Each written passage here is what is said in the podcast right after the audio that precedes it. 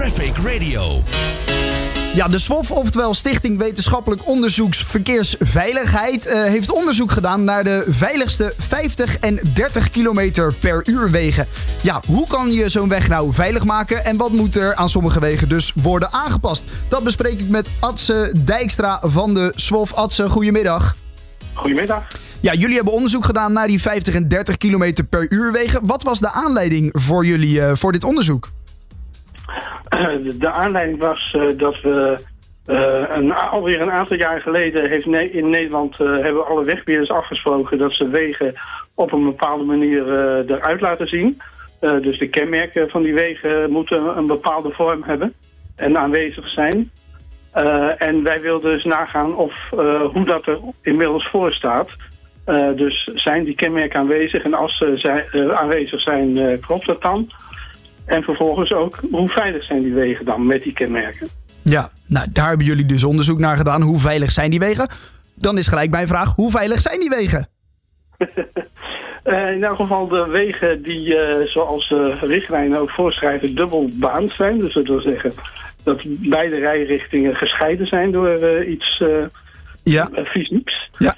Die wegen zijn ongeveer twee keer zo veilig als de wegen die dat niet zijn, die dus enkelbaan zijn en waarbij beide ri- richtingen op één rijbaan zitten. Dus dat is een, wel een belangrijke uitkomst. Ja. Ehm, verder eh, is het ook zo dat eh, de, eh, hoe heet dat, de 30 kilometer wegen, ook daarvoor kan je zeggen dat als het gaat om de ernstige ongevallen, dus waarbij doden en ziekenhuisgewonden vallen, dat als die wegen goed zijn ingericht volgens die richtlijnen, dat ze Mhm. ook minder ongevallen hebben. Oké. Oh, dus ook, eh, ook dat eh, scheelt natuurlijk. Ehm, heeft het, heeft eh, de, de fiets er nog iets mee te maken waar de fiets geplaatst kan worden? De fiets die Ja. op die 50 wegen, daar wordt, zou men dus fietspaden moeten hebben. Ja. En helaas op 44%, maar 40% van die 50 wegen is geen vrijliggend fietspad. Dus daar mankeert nogal wat aan. Oké. Daar zouden dus op zijn minst nu fietspaden moeten komen of de snelheid moet omlaag. Ja, dus dat is iets wat aangepast moet worden. Wat mij ook opviel, eh, ik heb even een aantal punten eh, uit jullie onderzoek eh, eruit gehaald, is dat het ook nog scheelt of er asfalt ligt of klinkers. Wat is daar precies het verschil tussen? Ja, dat is een beetje een moeilijk verhaal, omdat de meeste wegen in Amsterdam waar het 50 eh, geldt, die hebben asfalt. Ja. Eh, behalve in eh, zogeheten bedrijfsterreinen, waar de meeste wegen klinkers hebben alleen maar.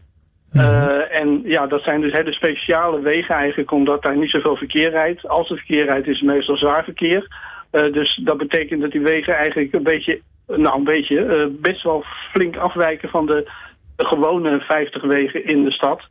eh, waar, waar dus meestal asfalt ligt. En dat betekent dat daardoor de vergelijking in dat klinkers en asfalt eigenlijk niet zo'n goede vergelijking is. Want het zijn gewoon hele andere wegen. Dus de veiligheidsverschillen die we vinden hebben meer te maken met het feit dat het hele andere wegen zijn dan eh, alleen puur dat, dat asfalt.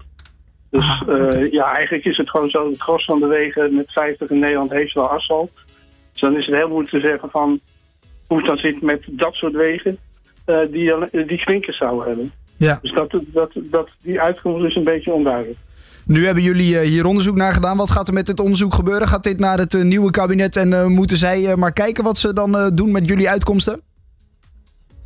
Nou ja, in, in, in principe zijn gemeenten altijd aan zet als het gaat om hoe die stedelijke wegen en straten eruit zien.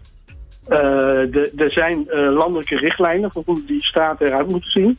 In beginsel zouden ze dus daaraan moeten voldoen. In de praktijk is dat altijd lastig, want ja, als je een straat flink wil aanpassen, dan kost dat eh, best wel hoog geld.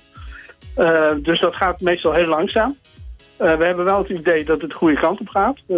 Dus niet dat het allemaal slechter wordt, maar het gaat heel langzaam. Dat, dat is een feit. En we hopen met onder andere dit onderzoek weer te laten zien van nou oké, dat mankeert nog wel het een en ander. Willen jullie daar alsjeblieft ja, meer aan gaan doen? Kijk, nou laten we dan maar eens in de gaten gaan houden of dat gaat gebeuren. Voor nu wil ik je bedanken, eh Adse Dijkstra van de SWOF. Hartstikke bedankt hè. Ja, graag gedaan. Always on the road. Traffic Radio.